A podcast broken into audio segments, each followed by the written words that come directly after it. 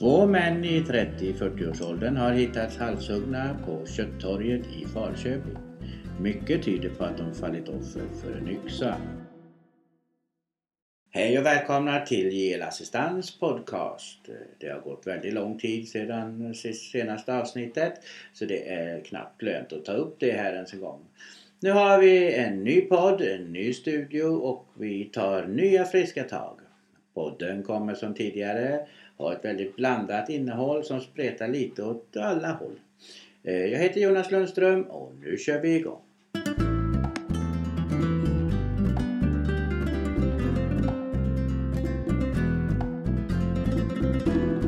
Två män har alltså hittats på Köttorget i Falköping.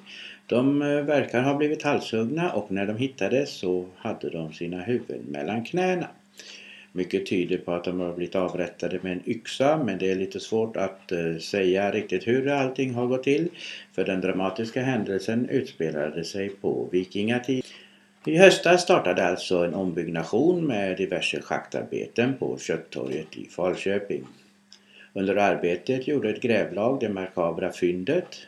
Eh, två personers kvarlevor hittades och eh, Västergötlands museum kontaktades direkt där man började rensa kring skeletten och fann att de har blivit begravda med skallarna mellan sina knän.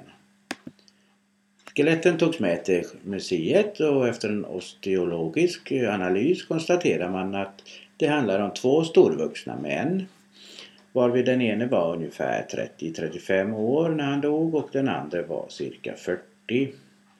Man kunde se att de hade blivit halshuggna. Huvudena hade avlägsnat från kropparna med ett enda hugg på ett väldigt proffsigt sätt. Det hade inte gjorts i stridens hetta utan verkade vara mer planerat.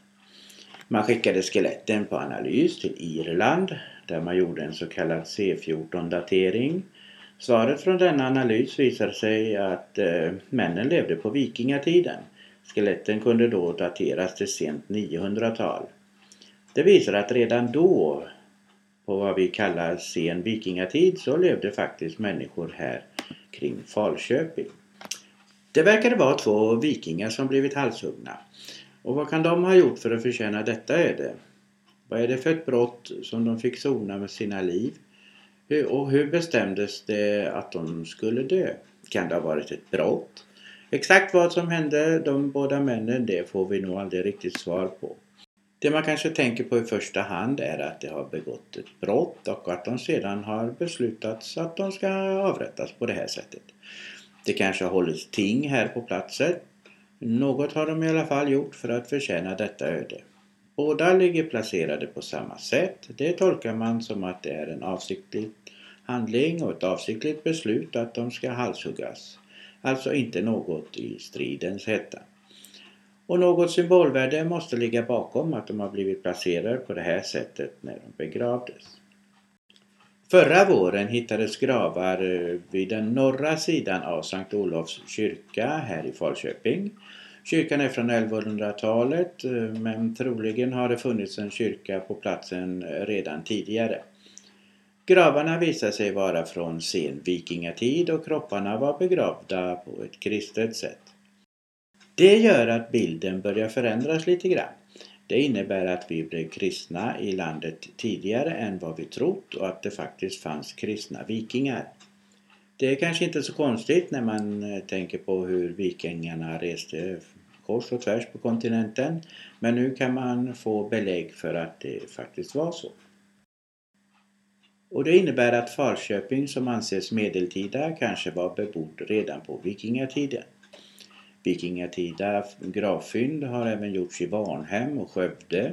Våra medeltida städer kanske visar sig vara mycket äldre än vad vi trott.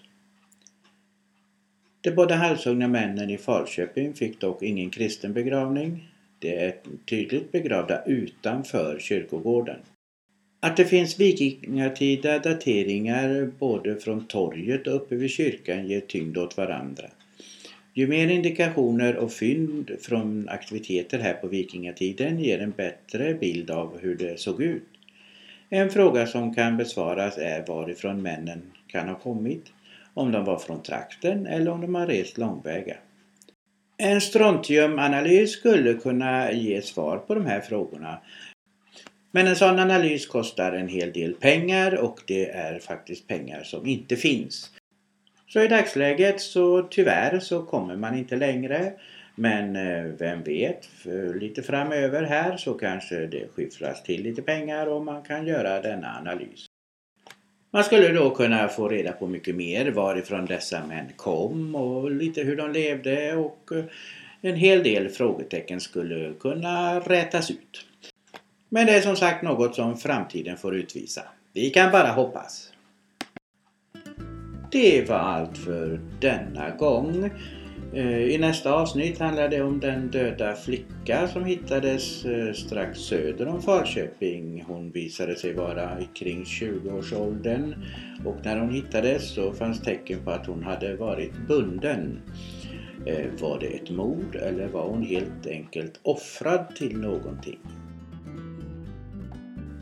Besök gärna vår Facebook-sida JL Assistans Podcast. Där hittar du bilder och andra dokument till respektive avsnitt. Eller hör av er på e-post podd snabela jlassistans.se Vill ni så hörs vi igen. Tjingeling!